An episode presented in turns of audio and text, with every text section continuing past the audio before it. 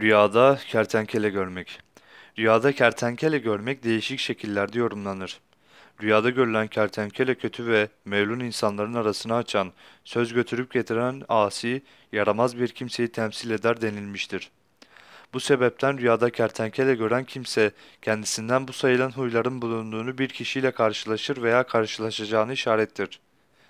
Rüyasında kertenkele etini yediğini görmek ise bir insanın arkasından gıybet edeceğini işaret eder.